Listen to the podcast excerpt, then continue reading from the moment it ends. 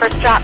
Hey, if we can find a couple units, our units, county units, let's just go ahead and shut down all eastbound on the uh, on the bridges, especially that Seabreeze, not the Seabreeze, but the uh, Speedway Bridge. Just go ahead and shut down all eastbound coming over. שמענו עכשיו את uh, דיווחי השוטרים מהמסוק המשטרתי שמרחף מעל רחובות דייטונה ביץ' בפלורידה, שעמוסים בהמוני חוגגים. Uh, קטע ששודר בתחנה המקומית uh, של CBS בטמפה. זה סוף שבוע ארוך, הממוריאל וויקנד, שמציין ככה את תחילת הקיץ, ובהרבה מקומות בארצות הברית אנשים החליטו שזהו, נגמרה הקורונה, ולא רק בפלורידה, היו גם תמונות שהגיעו מאגם האוזארק במיזורי, ששם יצאו המונים לבלות, אנשים דחוסים יחד במסיבת בריכה, בלי שמץ ריחוק חברתי. אה, אלה תמונות שמקפיצות לא מעט אנשים, כי הקטע הוא שמגפת הקורונה ממשיכה להתפשט ברחבי ארצות הברית, זה לא שהסיפור נגמר. שלום וברוכים הבאים לפודקאסט המדריך לטראמפיסט, אני אורי פסובסקי. אני טל שניידר. Uh, כן, היום בפרק אנחנו עדיין עמוק בתוך משבר הקורונה. האמריקאים חצו את הרף הטרגי של 100 אלף uh, מתים כתוצאה מהמגפה, אז אנחנו נדבר על המתרחש בזירה הפוליטית, ובחלק הראיון אנחנו מארחים היום את סמנכ"ל צפון אמריקה במשרד החוץ, דוד רוט. אה, זה האיש שאחראי על מדיניות החוץ שלנו בארצות הברית, אה, עוקב אחר הבחירות באופן הדוק, היה גם שליח פעמיים, אז אה, יישארו איתנו, הרעיון איתו מרתק, אבל לפני כן אורי, אנחנו נתחיל בחדשות. טל, אז את יודעת, אנחנו שבועות כבר מדברים על הקורונה וההשלכות הפוליטיות שלה. דיברנו כבר על היחס השונה למחלה שמגיע ממושלים דמוקרטיים או מושלים רפובליקנים. כשהאחרונים, אה, חלקם לפחות, מזדהים עם הנשיא ו- ולוחצים להתעלמות לפעמים מהמגפה. כן, אה, אה, אורי, למה טראמפ משוכנע שהמושלים הדמוקרטיים מעוניינים לעצות, ליצור כאוס כלכלי וזו הסיבה שהם מתנגדים לו? אתה יודע, יש שניים בולטים במיוחד, מושל ניו יורק קומו ומושלת מישיקן וויטמר. כן, שני מושלים דומיננטיים ושתי מדינות שנפגעו די קשה האמת. ואת יודעת, יש ניתוח שנעשה בסוף השבוע על ידי הניו יורק טיימס, שמציג איזושהי דרך נוספת להתבונן על הפוליטיקה של המחלה. מה שהם עשו שם זה תרגיל כזה שבו הם מנתחים את אה, שיעור ההדבקות והמוות במחוזות השונים בארצות הברית, והמסקנה שלהם הייתה שאפשר לראות שהווירוס אכן פוגע יותר בריכוזי אוכלוסייה אה, דמוקרטיים, מחוזות שנוטים להצביע יותר לדמוקרטים. והם עוברים אה, לפי מחוזות, מוצאים שבמחוזות שבהם טראמפ ניצח אה, ב-2016, יש 27 אה, אחוז ממקרי ההדבקה בלבד ו-21 ממקרי המוות, למרות שגרים שם 45 אחוז מהאמריקאים. ממש מוזר. זהו, יש הסבר אחד שאת יודעת, זה פשוט אזורים צפופים יותר. הווירוס מכה בערים הגדולות, אה, באזורים עירוניים, בפרברים. אה, ששם יש פי שלושה יותר מקרי הדבקה ופי ארבעה מקרי מוות, ושם גם מצביעים דמוקרטיים. יש עוד הסבר, אה, שפשוט יש נתיב שונה למחלה בארצות הברית. היא התחילה בחופים, את יודעת, הווירוס הגיע מאירופה, הגיע מסין למערב ולמזרח, ומשם אלה מדינות החוף שהן נפגעו ראשונות. אמ, שם הדמוקרטים ושם הריכוזים העירוניים הגדולים, כך שזה הסבר מסוים לזה שזה התחיל שם. אוקיי, okay, אני גם קראתי את הכתבה המעניינת הזאת והם בהחלט אה, גם מפקפקים בעצמם, הם אומרים שיש ערים גדולות בעולם אה, שהן צפופות ושם כן. דווקא הווירוס לא היכה, אז מה שמעניין שם באמת זה שיש אה, קבוצה של חוקרים מסטנפורד שמצוטטים בכתבה, והם ככה אומרים שבהתחלה כשהם עשו את המחקר הם בדקו גם את רמת הציות או ההקשבה לכללי הריחוק החברתי, ה-social distancing, וכשבהתחלה הם בדקו הם היו בטוחים שיש להם איזושהי טעות במחקר כי הם ראו שהדמוקרטים קשובים יותר לכללים הספציפיים של ריחוק חברתי בעוד הרפובליקנים פשוט לא מאמינים בזה. כמובן זה בניתוח מחקרי זה לא אומר אחד לגבי אחד אלא באופן בחתך רוחב. והם ככה מצוטטים שם הם אומרים עשינו את, את הבדיקה פעם נוספת ואפילו ראינו שהפערים עוד העמיקו ככל שחלפו השבועות וחשבנו שדווקא בסוגיות של ידענו שיש פערים אידיאולוגיים בסוגיות של נשק, מיסוי או הפלות, אבל היינו בטוחים שבסוגיות של תחלואה ושל וירוס, הנה, הנה יבוא לנו הנושא שבו תהיה הסכמה לאומית רחבה והם מופתעים שהתפיסות הציבוריות, התפיסות החברתיות, חברתיות לגבי מה, האם צריך ריחוק חברתי כדי לשמור על הבריאות, שונה בין דמו, אם אתה דמוקרט או אם אתה רפובליקני, מעניין מאוד. וירוס פוליטי. ועוד לא נאמרה המילה האחרונה למרבה הצער. אה, טל, מה, מה האייטם אה, חדשותי שאת מביאה? כן, אז אני רואה שטראמפ שוקל אה, להעביר את הוועידה הפוליטית, את הוועידה הרפובליקנית ולא לקיים אותה בצפון קרוליינה. הוועידה קבועה לשבוע האחרון של חודש אוגוסט לעיר שרלוט ולפני כמה ימים הנשיא טראמפ צייץ שלמרות אהבתו הרבה לעיר ולמדינה יש במדינה הזאת מושל דמוקרטי, רוי קופר, שהחליט להיות עדיין עמוק בתוך הסגר, בתוך הלוקדאון, ולכן הוא חושב לבטל את הוועידה. אה, טראמפ אומר בעצם הוא רוצה מהמדינה, מצפון קרוליינה, התחייבות שכל חברי המפלגה הרפובליקנית יוכלו להשתתף, בדרך כלל זה נערך במעין היכל כנסים, אולם ספורט ענק, ואם הוא לא יקבל תשובות ברורות הוא פשוט יבטל. זאת אומרת, אורי הוא מאיים, כן. זה, זה לא כל כך רחוק, כלומר מפה לשם סוף אוגוסט זה ככה שלושה חודשים, זה, זה די קרוב לוועידה כזאת גדולה. נכון, וצריך להבין, זה, המקום של הוועידות נקבע בדרך כלל שנה מראש, אה, עבור עיר כמו שרלוט זה בוננזה כלכלית מדהימה, בכל מצב, בכל ארבע שנים, ובמיוחד אה, השנה, והעיר גם נערכת לזה, כל עיר שנערכת בוועידה, והייתי כבר בכמה כאלו, נערכים לזה הרבה זמן מראש, לדוגמה קליבלנד שיפצה את כל מרכז העיר, שיפוץ שלקח שנתיים לפני הוועידה של 2016, תתאר לעצמך כמה כסף הושקע שם, רק כדי, ממש, ממש ככה, אירוע ענק בסדר גודל של עיר, אה, לא עושים את זה לרוב בערים הגדולות במיוחד, אלא הולכים בכוונה, המפלגה בוחרת עיר בתוך מדינה שהיא מדינת מפתח, במקום שבו זקוקים להכנסות וזקוקים אה, להרגיש ככה מתחברים, ל, אתה יודע, לעם הפשוט, למיד ווסט וכולי, או למיד ווסט או לדרום. ושוב זה מזניק את הכלכלה, שוכרים אולמות, אה, המסעדות מוצפות, החניונים, אין, אין, אין אספקט אחד של העיר שלא יוצא מזה נשכר. והמון חוזים כבר נחתמו ודי מדהים לראות אה, כיצד המפלגה הרפובליקנית תהיה מסוגלת להעביר משהו, להזיז את האנשים ככה בכזאת מהירות. אלא אם כן הם אה, ינצחו כמובן במשחק צ'יקן אה, מול צפון קרוליינה, שהם עדיין בלוקדאון את אומרת. כן, הם עדיין בלוקדאון וגם אה, יש, יש את הכללים האלו שאומרים של אסור להתקהל יותר מעשרה אנשים. זה עדיין בתוקף, אבל שים לב, גם בצפון קרוליינה, שהיא מדינה שהיא מתנדנדת בין רפובליקנים לדמוקרטים, יש המון אנשים שנמאס להם, אבל לגמרי, ובסוף שבוע האחרון התרחש רייסקאר, אה, מרוץ מכוניות, ספורט מאוד מאוד אהוב בארצות הברית, הספורט השני פופולרי ביותר, זה נערך באזור מאוד כפרי מנותק מהמרכזים, בעיר שקוראים לה אלטמאו, וארבעת אלפים איש הגיעו, ראיתי את הוידאו של זה, יושבים ביציעים צפופים, ובואו נשמע קטע מתוך פוקס, מהתחנת השידור המקומית, שם מדברים על הגעת אה, מאות אנשים, אבל אה, בדיווחים יש מדובר על ארבעת אלפים איש. והם גם מראיינים חלק מהאנשים שבאו לשם. We saw hundreds out tonight from families who live locally to racing fans traveling from outside of the state who say they aren't going to live in fear.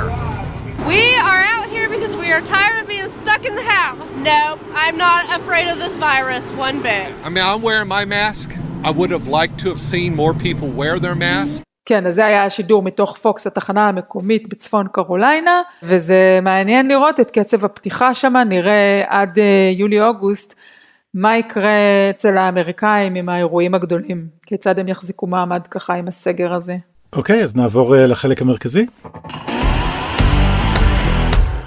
טוב, מצטרף אלינו עכשיו אה, דוד רוט, סמנכ"ל משרד החוץ, ראש אגף צפון אמריקה. לשעבר אה, סגן ראש המשלחת לאו"ם בין השנים 2013 עד 2017.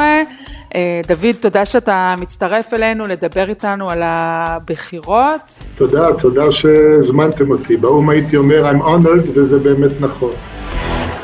אנחנו שואלים את כל המרואיינים שלנו כשאלת פתיחה, איך התחיל אצלך החיבור אה, צפון אמריקה, ארצות הברית, מתי הייתה הפעם הראשונה השליחות שלך שם, או החיבה שלך לעסק האמריקאי? תראה, אני תמיד אומר, לצערי לא במבטא, שאני 15% מרגיש אמריקאי, מזה שבתור ילד, אני יודע שגם את היית בשליחות בארצות הברית. אבא שלי עבד בבנק העולמי, והייתי ארבע שנים בארצות הברית, מה שהביא אותי לספורט אמריקאי והפוליטיקה האמריקאית, גדלתי בתקופה של ג'ימי קרטר, וזה הפך איזושהי אה, אה, אה, חיבה מאוד גדולה, ואחר כך באמת שירתתי כדיפלומט חמש שנים בשיקגו.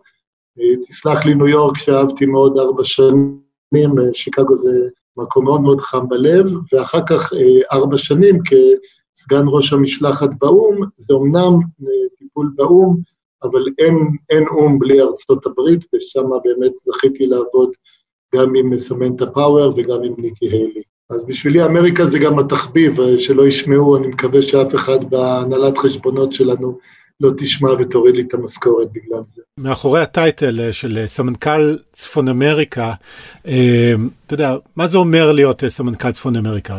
כמה אנשים יש למשרד החוץ בארצות הברית, כמה נציגויות, תוכל לפרט ככה על קצה המזלג? כן, אני תמיד אומר שאנחנו אחראים על תשע מדינות אה, בארצות הברית, שזה שגרירות ושמונה נציגויות. פעם היה תשע, לצערי, ומה שאני חושב שהיא טעות לא קטנה, נאלצנו לסגור את פילדלפיה, אה, וזה נציג... ויש לנו גם כן אה, שלוש נציגויות בקנדה, שזו מדינה מאוד מאוד משמעותית עבור ישראל, ובכלל, אם היא הייתה אבל באזור אחר, אולי היו נותנים לה יחס קצת יותר טוב. ובאמת אנחנו מדברים על קונסוליות במספר שאין לנו, זאת אומרת, יש בארצות הברית יותר קונסוליות, קונסוליות נדמה לי משיש לערצבי ישראל בכל, בכל העולם, זה מבוסס על החשיבות של המדינה הזאת לאינטרסים של ישראל, בעבר גם לנושא של הקהילות היהודיות, גם היום זה חלק מרכזי ממה ש... הנציגויות זה מהנציגויות הגדולות, וושינגטון, ניו יורק, שהיא אולי הגדולה בעולם, לבין נציגויות שעם השנים, לצערי, כמו אטלנטה ויוסטון, בעלות חשיבות עצומה, עם השנים אה, צומצמו, אה, ואנחנו מדברים על שני דיפלומטים וצוות פלוס אה, קצין ביטחון כמובן, וצוות מקומי, ישראלים ולא ישראלים, של הייתי אומר עד 15 איש. זאת אומרת, חלק ניכר מהנציגויות שלנו קטנות מאוד, כן, אבל עושות הרבה. בעצם אמרת ש, שבעצם שיקגו זה הבסיס הדיפלומטי שלך, ואנחנו יודעים, יש כמה מקומות בארצות הברית שהם מאוד מאוד פוליטיים, שמהם מגיעים נשיאים, והפוליטיקה האמריקאית שואבת מהם השראה ורעיונות, אז ברור ששיקגו היא נדבך מאוד גדול בפוליטיקה האמריקאית של המאה העשרים, אה, בין אם זה מהומות הסטודנטים, אה, מהומות הזכויות האזרח, ו... כל הצוות של אובמה, אובמה עצמו וראשי הערים של שיקגו הם מאוד מעורבים בפוליטיקה האמריקאית הלאומית. אז לבוא משיקגו ואחר כך אה, להיות אה, שליח של כל צפון אמריקה, זה נותן לך פרספקטיבה מאוד מסוימת על הפוליטיקה האמריקאית? אני, אני חושב שכן, טוב, דיברתי קודם שאני אוהב אמריקנה, ותגיד, לא, לא אמרתי נדמה לי על סרטים, אז 13 ימים בספטמבר נדמה לי, ששם קנדי אה, ניגש כדי לדבר עם האיש הבאמת חשוב, אה, וזה ראש העיר של שיקגו בנושא הפוליטי. והשמועה, אני הייתי בשיקגו בתקופה באמת שברק אובמה היה רץ להיות, היה, היה סנאטור מקומי, והשמועה שהיא כנראה נכונה, הוא שמי שהריץ אותו לסנאט, דחף אותו לסנאט, זה ראש העיר דיילי, כי הוא פחד okay. שהוא כן. יהיה ראש העיר, ומבחינתו ראש העיר של שיקגו זה יותר חשוב מסנאטור ואולי אפילו מנשיא ארצות הברית. אז אין ספק, אה, גם בתקופת אובמה, אה, אה, זה בהחלט ליגה א' להבנת פוליטיקה, שם הם המציאו דרך אגב את הבוחרים שממשיכים לבחור גם כשאתה מת בקוק קאונטי, שזה האזור של שיקגו. אבל, אבל תראי, האמת היא שהמלחמה שלי בדרך כלל היא לשכנע אנשים שיש מעבר לבלטווי. כולם חושבים ששיקגו, שארצות הברית זה וושינגטון, ולכן מופתעים כשאובמה מנצח, ולכן מופתעים כשטראמפ מנצח, ואחד היתרונות של משרד החוץ זה שיש לנו נציגויות במקום, לאו בהכרח יותר חכמים, אבל מרגישים את השטח, וזה מה שהיה לנו אה, גם עם אובמה וגם עם טראמפ, כן. אני רק אגיד עבור המאזינים שלנו, מעבר לבלטווי, הכוונה היא מעבר לכביש החגורה המקיף את אה, וושינגטון די סי, אה, כביש 495, איך אפשר לשכוח, ובאמת כל מה שקורה בוושינגטון נמצא בתוך הבלטווי, אבל יש אמריקה מחוץ לבלטווי. כן, כן, נכון, תודה.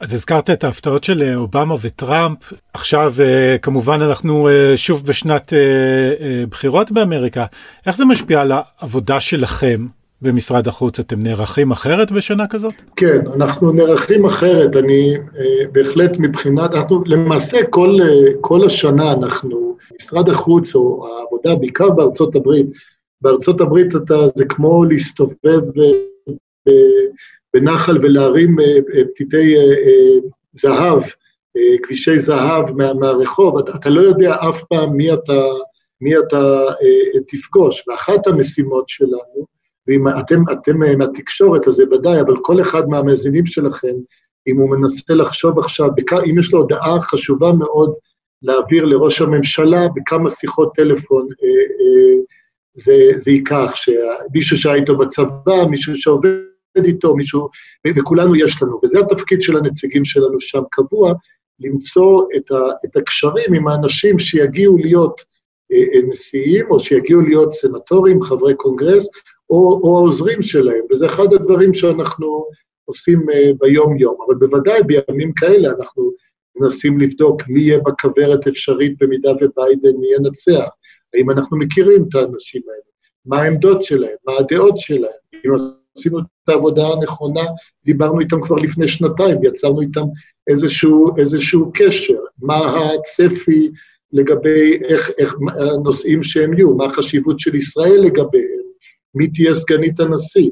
במידה ותהיה סגנית נשיא ש, שמפתיעה אותנו, אה, אנחנו, אה, זאתי, זאתי בעיה, והיו מקרים כאלה.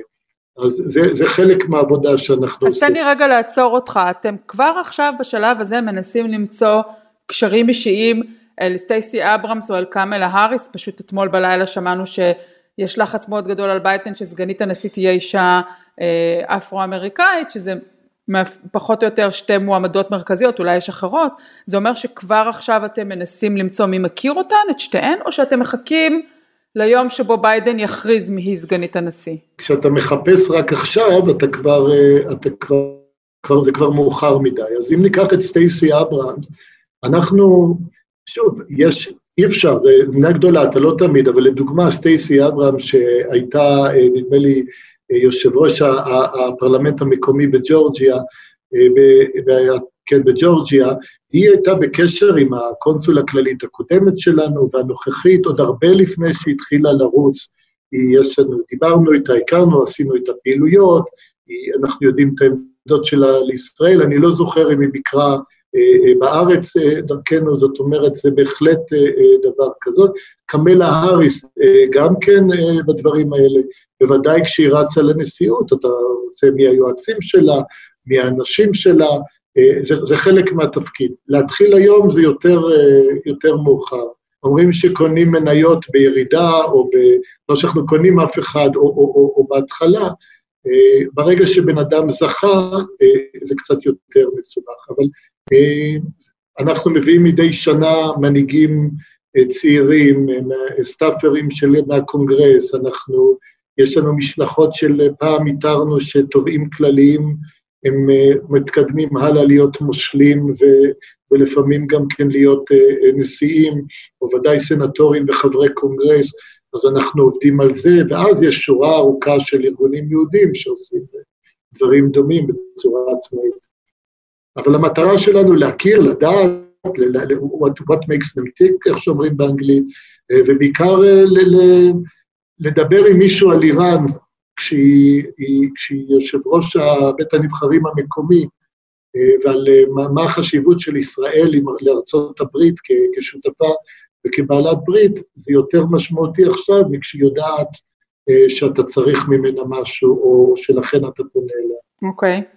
אבל זה הכל כחלק, זאת אומרת, זה נשמע מאוד תועלתני, אבל זה חלק מהעבודה שלנו שהיא נרחבת, זה לא רק מי יהיה נשיא, אנחנו גם נרצה... ברור. אנחנו באותה מידה החבר'ה שלנו, היה להם קשרים כבר עכשיו, עם, כש-Airbnb החליטו רגע לה, לה, להוציא את ה listing שלהם בשטחים, אז אנחנו כבר היינו בקשר איתם כי שידכנו להם חברות הייטק ישראליות או דברים מהסוג הזה.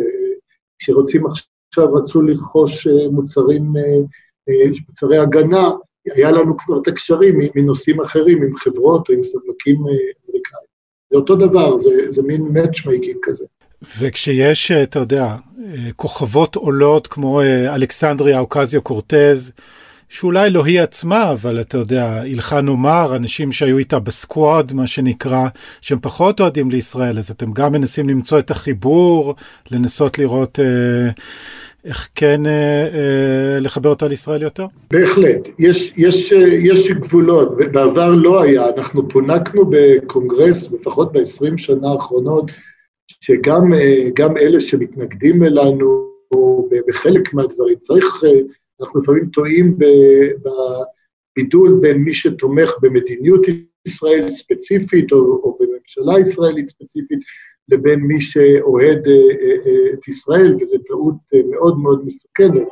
אבל אנחנו בהחלט מנסים ליצור קשר ולהסביר את עצמנו כמעט לכולם. במקרה של אילן עומר או רשידה טלאב, לא היה לנו התנגדות, הן מתנגדות לעשות את זה, ויכול להיות שזה כבר אה, בזבוז אה, משאבים, אבל בהחלט אנחנו אה, מנסים, ודרך אגב, בזמן האחרון, בשנים האחרונות, עיקר המאמץ שהאגף שלי עושה זה דווקא לפרוגרסיביים ולדמוקרטים שלא בשלטון, אה, כדי, כי אנחנו יודעים שזה מטולטלת שעוברת מצד לצד, ואסור לישראל לשים את, ה, את כל הממון בצד אחד בלבד. אז רגע, אני, אני רוצה רגע להתעכב על השאלה הזאת בעצם, על השאלה של אורי. כאשר אה, יש לכם את אה, אלכסנדרי ה-AOC מה שנקרא, או את רשידיה טליב, או את אילן עומר, שאתם מזהים שיש, ויש גם רביעית אה, שאני לא זוכרת את שמה כרגע, שאתם מזהים שיש אולי או חוסר ידע שלהן, או אה, הצהרות שהן בעייתיות, חלקן על גבול האנטישמיות. האם אתם משקיעים את האקסטרה מייל של לנסות ליצור קשר וללמד, לא ללמד, כי אני לא רוצה להשתמש במילה הזאת, אבל להיות בקשר וליידע, או שאתם אומרים אוקיי זה משאבים אה, אה, מיותרים, וגם באיזה מידה אתם כבר עכשיו יודעים לזהות מי הולכות להיות הבאות, הרי אנחנו יודעים שכל שנתיים מתחלף הקונגרס, יכול להיות שכבר בנובמבר יהיו נבחרי או נבחרות ציבור אחרות שירחיבו את הסקואד הזה ויהיו עוד יותר, אה, האם יש לכם כבר מידע איפה אנחנו צריכים לשים את העין על נבחרים שהם מטרידים עבור מדינת ישראל. הרביעית היא פרסיליה פרסלי, נדמה לי, שאת מתכוונת אליה. כן, בדיוק. ואני אומר את זה כי, כי אני, זה בעברית ו- וכל הדברים, בכל זאת כאיש משרד חוץ, אני לא רוצה לתת ציונים לחברי קונגרס, אבל אני חושב שיש הבדל וזה כן אפשר להגיד, בין אה, פריסילה פרסלי שהייתה בקשר עם הקונסול הכללי שלנו אה, בבוסטון, אה, ואני חושב שיש לה עמדות שונות, אבל אני לא הייתי מגדיר אותה בהכרח כאנטי-ישראלית, בוודאי לא ביטויים אנטישמיים. AOC גם כן, אני שוב לא עוסק בהגדרות, אבל קורטז, אוקוזיו קורטז, היא, היא, היא, היא, אני לא בטוח שהנושא הישראלי בוער בעצמותיה ושזה מקרה אבוד. לבין אה, מקרה מיוחד של שתי חברות אה, קונגרס אה, מאוד מאוד בעייתיות, אחת מהן מדברת במושגים של אנטישמיות ברורה, השנייה בנרטיב פלסטיני וחוסר עניין ליצור שום קשר ולהקשיב, שזה באמת מקרים שלצערי הם, הם אבודים. אבל קודמה של אילן נאמר, קפץ לי שמו, שגם היה לדעתי המחוקק המוסלמי הראשון, אה, הוא היום התובע הכללי באותה מדינה, הגיע לישראל, ביקר בישראל, היינו איתו בקשר. זאת אומרת, זה מקרים מאוד חריגים שלא נשקיע ב, או לא ננסה להעביר את המסר, גם, גם שיחות קשות. יש לנו הרבה מאוד שיחות קשות, וגם גם לא מעט חברי קונגרס יהודי שאתה מגיע ומקבל אצלם שטיפה קרה, אבל דיאלוג תמיד יותר טוב מחרב. אז uh, כשאתה נמצא בקשר עם, עם, עם, עם הלשכות של האנשים האלו, אתה בהחלט מתמקד בנושא של, ה, uh, של הסיפוח אה, או ירושלים או איראן, או שגם אתם מדברים על נושאים אחרים אה, שהם יותר רחבים בעצם. מה, מה, מה מעניין את אנשי משרד החוץ מעבר לאינטרסים הפנים-ישראלים? קודם כל, את יודעת, איך אומרים, אתה מגיע עם התואר, אז פגישה ראשונה כמעט אצל כולם היא, היא אוטומטית. יש הבדל, יש מחלקת קונגרס בוושינגטון שמטפלת אה, מול חברי הקונגרס, אבל אם אה, לדוגמה יש 435 אה, מחוקקים בבית הנבחרים התחתון, מה שאנחנו קוראים הקונגרס, ויש בסנאט עוד, עוד 100 יכולים לטפל בכולם, ואז יש את הקונסוליות ששם באמת מתעסקים גם בדברים אחרים. אז, אז בוושינגטון באמת זה הרבה יותר הארדקור מבחינה הזאת, ואי אפשר לכסות את כולם, ואז מדברים איתם על הנושאים האלה, אבל גם על מגוון רחב מאוד של נושאים אחרים. מחוץ לבלטווי, מחוץ לוושינגטון, אתה נציג ישראלי בזכות התארים, בשביל זה יש את התואר, יכול לקבל פגישה ראשונה עם כל נבחר ציבור, או איך שאנחנו קוראים להם מחוקקים, השאלה היא אם אתה נפגש פגישה שנייה, ואם אתה בא להרצות רק על הנושאים האלה, וצריך לזכור שרובם אה, לא מומחים בנושא הסכם הגרעין עם איראן בהכרח, בכל הדברים האלה, אתה עוסק במגוון רחב מאוד של הנושאים, כולל נושאים של, ה, של הקהילה ש, שמעניינים אותם. אה, הם רואים אותנו, חלקם אה, גם כן חושבים על הקהילה היהודית שלהם, בתמיכה שלה בישראל. ישראל, ולכן נותנים. ואם אתה מגיע ורק מדבר על הדברים האלה, טל, אתה לא, או את לא תגיעי למקום שאת רוצה, ולכן עושים אה, אירועי תרבות ביחד, עושים הרצאות משותפות ביחד, מביאים כלכלה, אנשים מעניין אותם, ועוד לא דיברנו על מושלים, זה פעם אחרת, מעניין אותם קידום הכלכלה באזור שלהם, זה דבר ש, ש, שחשוב לעשות את זה, עושים איתם זומים משותפים. עכשיו זה לא דווקא עם אלה של הקונגרס, אנחנו, הנציגות שלנו בניו יורק אה, אה, אה, ושיקגו עשו, לדוגמה, לפני שבוע, שיקגו ארגנה, הייתי בזום משותף עם מושל נברסקה והחבר'ה שלנו ממשרד הבריאות, שבו אנחנו העברנו, למדנו ולימדנו אחד את השני איך להתמודד עם, ה, עם הקורונה, כי אם אנחנו לא מראים איפה הנכסיות שלנו, אה, ושאכפת לנו, ובמקרה של ארה"ב באמת אכפת לנו, אז אה, זאת משימה מאוד קלה, זה, זה לא יעבוד. אז בהחלט עושים את, ה, את הדברים האלה. מעניין, אז ישראל יכולה לתרום בעצם מהידע שלה לנברסקה, למדינה קטנה יחסית בארצות הברית, איך היא יכולה לצלוח את המשבר? כן, באופן מעניין, דרך אגב, ניו יורק היו בקשר אינטנסיבי איתנו, עם, עם אה, שתפ... עם, עם משרד הבריאות שלנו. יש, אנחנו לא ידועים בצניעות כישראלים, אורי, אבל אה, יש, אה, יש כמה דברים שאנחנו עם ארצות הברית עדיין יכולים לתת ולתרום, ועם השנים זה הופך יותר ויותר, אתה צריך לראות בנושא של הייטק, בנושא טכנולוגיה, עבודה על קרנות משותפות, יש הרבה מאוד עבודה שנעשית ככה. ולפעמים זה מעניין אותם יותר מאשר, אה, אה, אולי חשוב יותר מאשר לדבר על הדברים שהם מקבלים אה, briefing כן. מארגון כן. זה או אחר. תגיד, אתה, אתה מביא פה, אתה יודע, פרספקטיבה רבת שנים, וגם, אתה יודע, ניכר מהשיחה שאתם מסתכלים על ארה"ב במבט רוחבי ועמוק על כל המערכות השונות שיש שם. אבל בוא בכל זאת נתמקד, אתה יודע, ברגע הנוכחי בממשל טראמפ, מהפרספקטיבה שלך, אתה יודע, אנחנו הרבה פעמים מציגים אותו כאוטסיידר, כפופוליסט, כמישהו שהביא משהו חדש לחלוטין לוושינגטון. זה גם ההרגשה אצלכם, או שאתה יודע, אם מקלפים שכבה אחת, אז עולם כמנהגו נוהג, וזה אותה הביצה הישנה של וושינגטון, ואותם אנשים ושחקנים, או שיש איזה שינוי מהותי שאתם מרגישים? תיאורי, כשהייתי באו"ם, התפקיד באנגלית הוא סגן ראש המשלחת הקבוע או קבועה, אבל באנגלית זה נשמע קבוע לאו"ם, ואז הייתי מתבדח שאם אני אענה על שאלה כזאת, אז הקבוע יפוך, יהפוך, יעוף מהחלון ואני אנחנו, אני לא רוצה יותר מדי להתבטא על הממשל, אבל אין ספק שזה ממשל שונה לחלוטין ממה שהכרנו.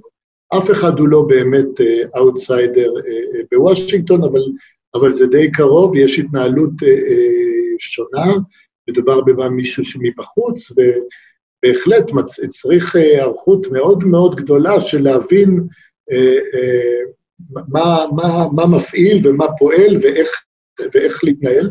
נדמה לי שיש לנו עבודה לא רעה מהבחינה הזאת של יצירת קשר עם, עם הממשל, אבל זה בהחלט אה, תקופה, אני לא יודע אם uh, התקופה הקודמת תחזור, יש שינויים מהותיים בכל המערך הפוליטי.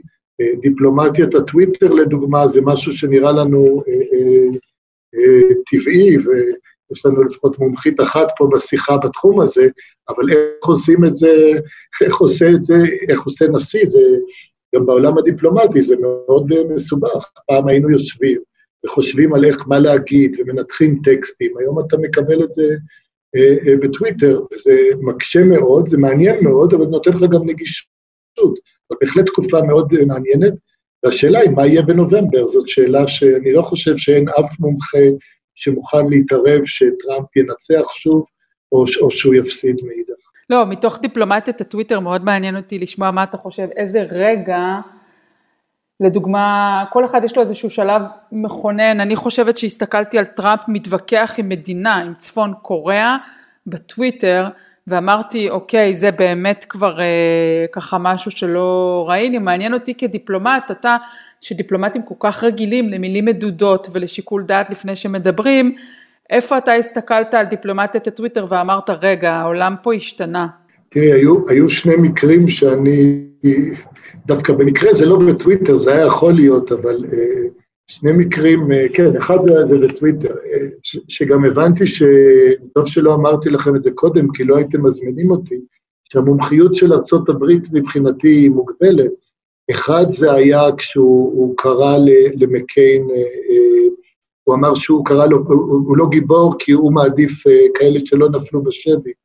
ומבחינת הבנת הברית שלי, אתה, היום זה באמת ממוריאל דיי, יום הזיכרון האמריקאי, אתה לא יורד נגד, אתה לא פוגע בווטרנים אה, אמריקאים, אתה בטח לא בגיבור שהיה ב, ב, בכלא וויתר על שחרור מכיוון שלא שחררו את כל החיילים שלו, ואז אמרתי הוא גמר ולא. והפעם השנייה זה גם צפון קוריאה, כמו שאת אומרת, אה, זה כששמעתי שהוא דיבר, הוא אמר משהו בסגנון, משהו אחר כך הוא ניסה לעשות, שהוא דיבר על כך ללכת לצפון קוריאה ולדבר, זה היה בקמפיין, ואולי לא, צריך להוציא את הנוכחות האמריקאית מקוריאה. שירתתי בקוריאה, אני מכיר את המשמעות של הנוכחות האמריקאית כמו רובנו, ואתה מדבר על שינוי דוקטרינה של עשרות שנים בהינף יד, אז הבנתי שזה יהיה משהו, משהו אחר. אבל היו הרבה חבר'ה אצלנו שניחשו והעריכו שהוא כן יזכה, כך שזה לא היה הפתעה מוחלטת. אגב, אתה יודע, אם, אם קצת להמשיך באותו נושא של העולם הדיפלומטי, אתה יודע, יש דברים שמעסיקים את ישראל, איראן, הסטטוס של ירושלים, שאפשר להגיד שאתה יודע, יש איזה אישור קו עם הממשל הנוכחי לפחות, אבל יש מקומות אחרים, בטח uh, כמי ששירת באו"ם, שבהם, אתה יודע, ארה"ב עזבה את הסכמי פריז, חותרת תחת עצם הרעיון של הסכמי סחר רבי משתתפים, נאט"ו, נראה שעולם הדיפלומטיה, אתה יודע, הסדר הדיפלומטי, הסדר העולמי שתפקדנו בתוכו עשרות שנים קצת מתערער. כן, בהחלט. אנחנו כעיקרון ארצות הברית, בעלת הברית החשובה ביותר, היחידה, עם כל הקשרים המצוינים שיש לנו עם כל העולם, אה, אין בליטה מבחינת ישראל, אף אחד, למי ששרת באו"ם לומד את זה, ביום שהיא תסיר מאיתנו את החסות, אם זה יהיה בשמונה בבוקר, ב-11 בצהריים, יהיה, יהיה, יהיה סנקציות כנגדנו במועצת הביטחון, כך שאנחנו לא מייעצים להם בצורה פומבית אה, איך לפעול, אבל בהחלט אה, אה, יש, אנחנו רואים שינויים מהותיים, לא כולם בהכרח תואמים את, ה, את המדיניות הישראלית. אני רואה אבל גם הרבה דברים שבמסגרת, אלה ש... אינם תומכים בטראמפ, ש, שלא כל כך רואים, זאת אומרת, בנושא נאט"ו, ושוב, אני לא אתן לו ציון, אבל הדרישה שישלמו יותר כסף אה, מדינות אחרות לנאט"ו היא לא דרישה משוללת יסוד, ארה"ב מימנה אותם הרבה פעמים.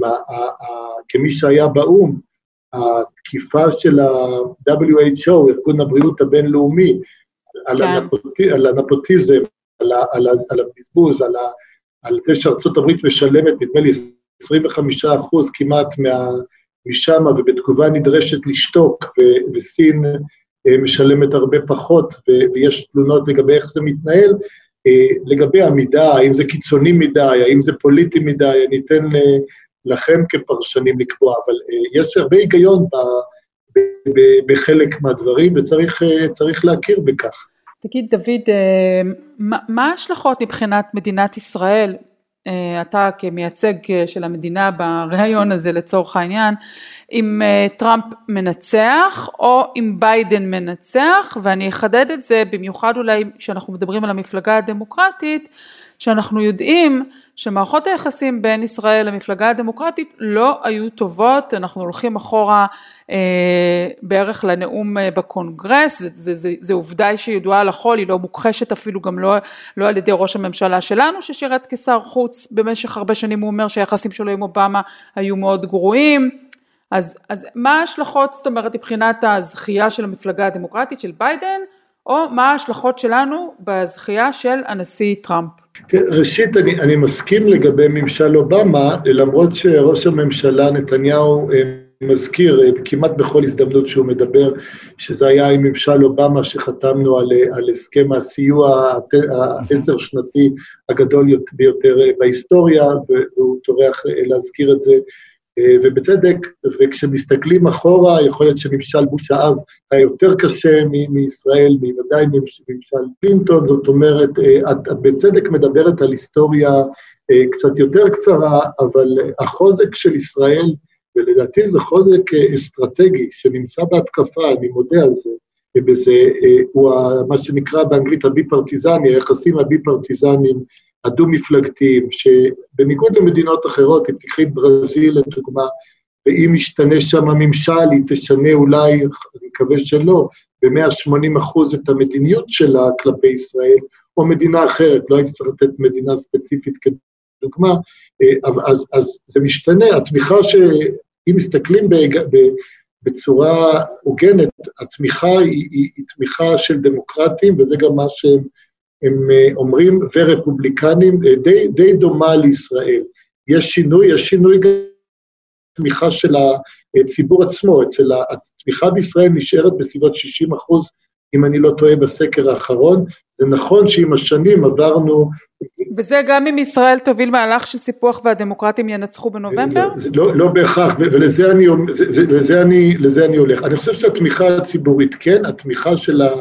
של המחוקקים, לא, אנחנו, יש, זה, אני לא זוכר את הנוסח שאלה שלך בדיוק, אבל אם מדובר על החלת ריבונות, וחשוב אם זה בהסכמה או לא בהסכמה בינלאומית, או עם הפלסטינאים או לא, אבל אני מניח שאת מתייחסת למשהו חד צדדי, אז בהחלט אנחנו רואים במפלגה הדמוקרטית, אה, כולל אצל הנשיא, אה, אצל סגן הנשיא והמועמד ביידן, אנחנו רואים ביקורת די חריפה על, הנושא הזה, גם במכתבים שהשבוע הם שלחו, אה, נשלחו חמישה מכתבים מסוג זה.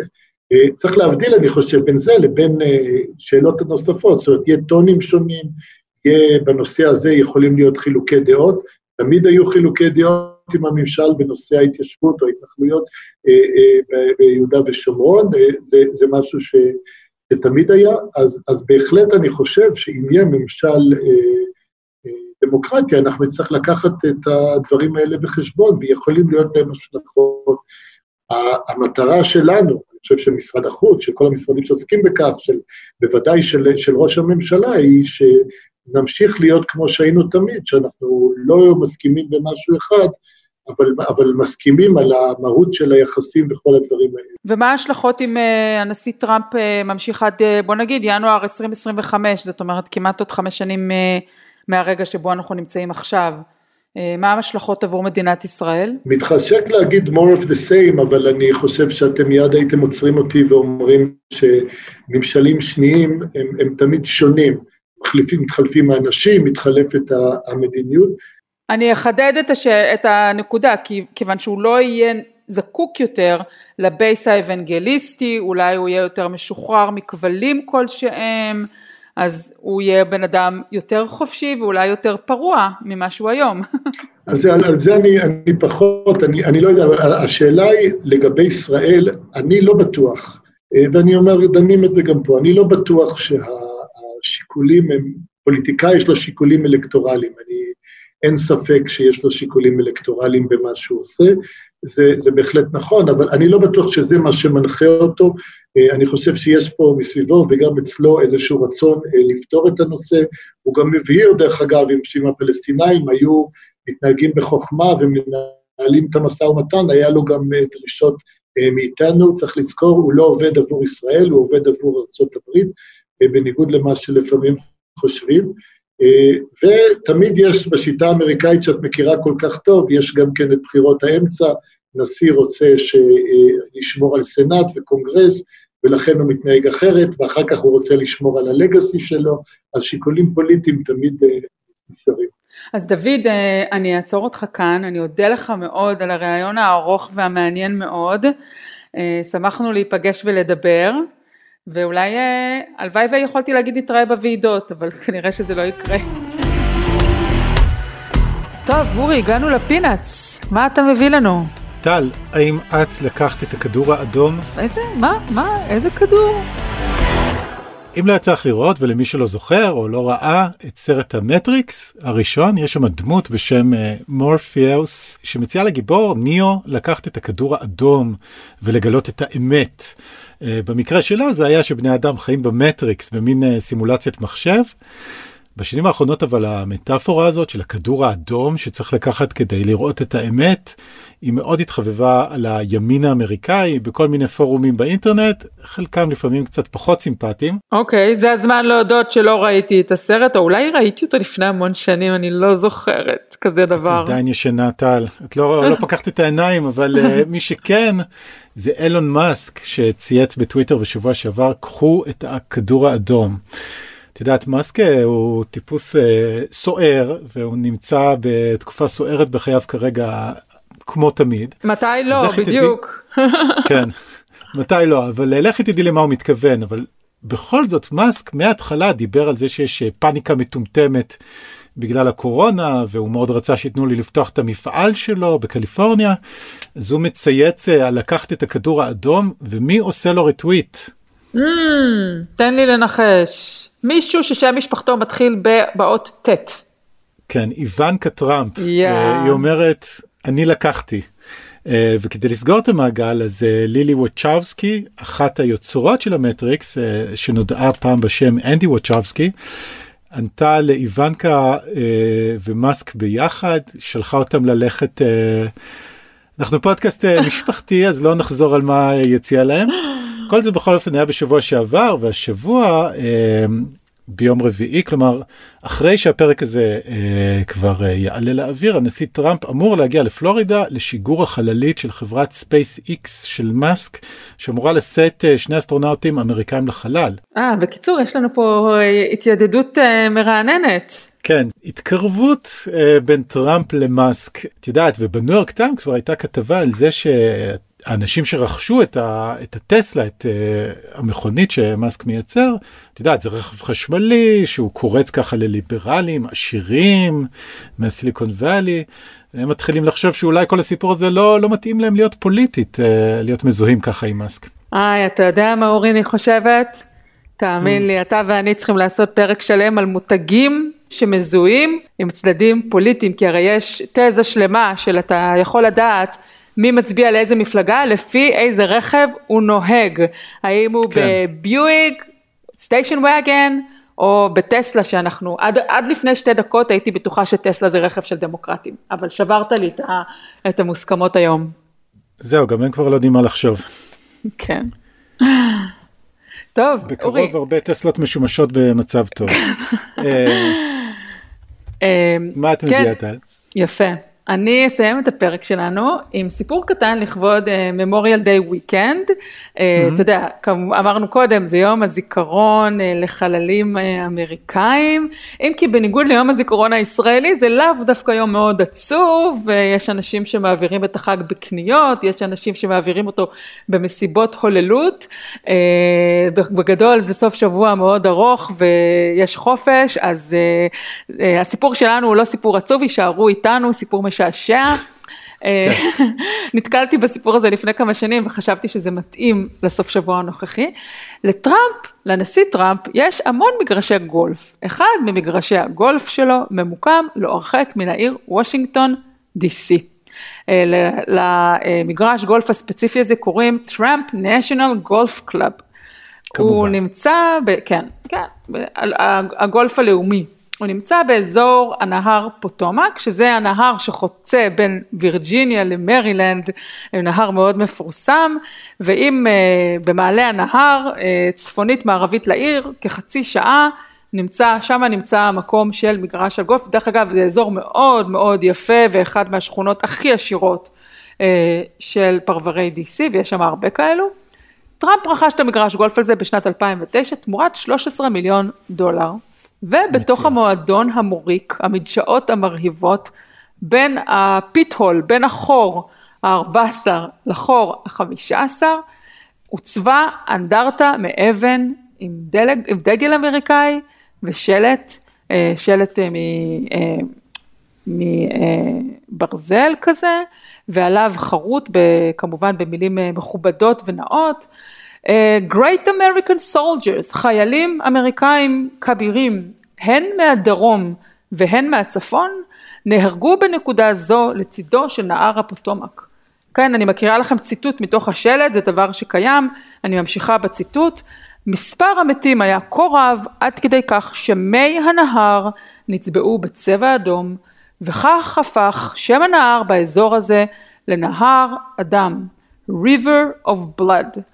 אה, על השילוט של האנדרטה יש גם את השם של טראמפ ואת הלוגו של מועדון הגולף ואפילו הצהרה שלו לגבי ה-preservation והמחויבות שלו לשימור. עכשיו אתה יודע, רגע, אורי... אה, רגע של טרגדיה היסטורית באמצע המשחק גולף. ממש איך זה קרה שבתוך הנכס הזה שהוא קנה, שם אירע האירוע. עכשיו אורי, אתה מכיר את האמריקאים וגם המאזינים שלנו מכירים, אתה יודע שהנושא הזה של... של המלחמה והשימור של הקרבות זה קטע מאוד נכבד, אה, בטח באזורים האלו של מרילנד ווירג'יניה, אבל מה כן. מסתבר, תנחש מה, לא היה שם קרב כזה. איך יודעים את זה? לא, כן, אתה תצחק, אבל קרב לא היה. זה מה שנקרא אה, אמביציית יתר לתאר את הקרבות. אה, פשוט לפני כמה שנים עשו תחקיר והיסטוריון בשם קרג סוויין אה, סיפר שהוא כמובן בדקו בכל הרישומים וכל הכתבים והיו שם שני חיילים שנהרגו ב-1861 לא בדיוק איפה שהמגרש גולף במקום קצת אחר ולא בדיוק נהרגו במלחמה אלא הרגו אותם שני אזרחים ולא בדיוק נשפך דם וגם נשפך דם כי בכל זאת מתו אבל הוא לא נשפך לתוך הנהר ומי הנהר לא נצבעו באדום. אוקיי, אז מה כן קרה שם? איך זה יכול להיות? מאיפה הגיעה האנדרטה הזאת? אז יש איזה תיעוד היסטורי של 4,500 חיילים של הקונפדרציה, זאת אומרת הדרום, שחצו את הפוטומק מצד לצד באזור המסוים הזה בשנת 1863 בדרכם לגטיסברג, שזה כמובן הקרב הגדול שסיים את מלחמת האזרחים, אבל אף אחד לא מת, הם פשוט חצו את הנהר כמו הרבה מה, אה, מהמהלכים של אותן המלחמות. אה, אז מה, בכל זאת, איך מסבירים את הסיפור הזה? אה, תשמע, יש לנו אמנם בפודקאסט הזה את ההיסטוריונית בית שלנו, דוקטור יעל שטרנל, אולי בפעם הבאה שנראיין אותה נשאל אותה, אבל אני מציעה למאזינים שלנו, אם אתם לא מאמינים לסיפור ששמעתם עכשיו, לכו חפשו בוויקיפדיה את הערך אנדרטת נהר הדם, זה באנגלית נקרא The River of Blood Monument, ושם תשמעו כיצד נשיא ארצות הברית בתקופה שלפני שהוא היה נשיא, כשהוא רק היה איש שיווק מאוד טוב, אה, פשוט יצר לעצמו מונומנט בתוך מגרש הגולף, ה-National Golf Club, וזה ככה פינאץ שלנו לכבוד היום הזה שנקרא Memorial Day Weekend. אני מקווה שחייכתם וצחקתם. וכאן אנחנו מסיימים את שידורנו, אתם שמעתם עכשיו פרק נוסף של הפודקאסט המדריך לטראמפיסט.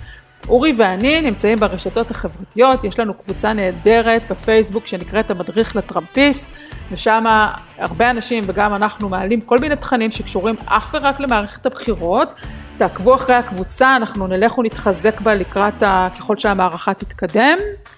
אה, את הפרק הזה אתם יכולים לשמוע בספוטיפיי, אתם יכולים לשמוע את זה בכל אפליקציית פודקאסטים הזמינה לכם, וכמובן אפשר לשמוע אותו חינמי באתר גלובס, לא צריך להירשם או לעשות שום דבר כדי להיכנס ללינק וללחוץ פשוט פליי, תצטרפו אלינו וירשמו כמנויים לפודקאסט. אני הייתי טל שניידר. אני אורי פסובסקי, תודה אה, לעורך הפודקאסטים, רון טוביה. ואנחנו ניפגש פה בשבוע הבא. Bye.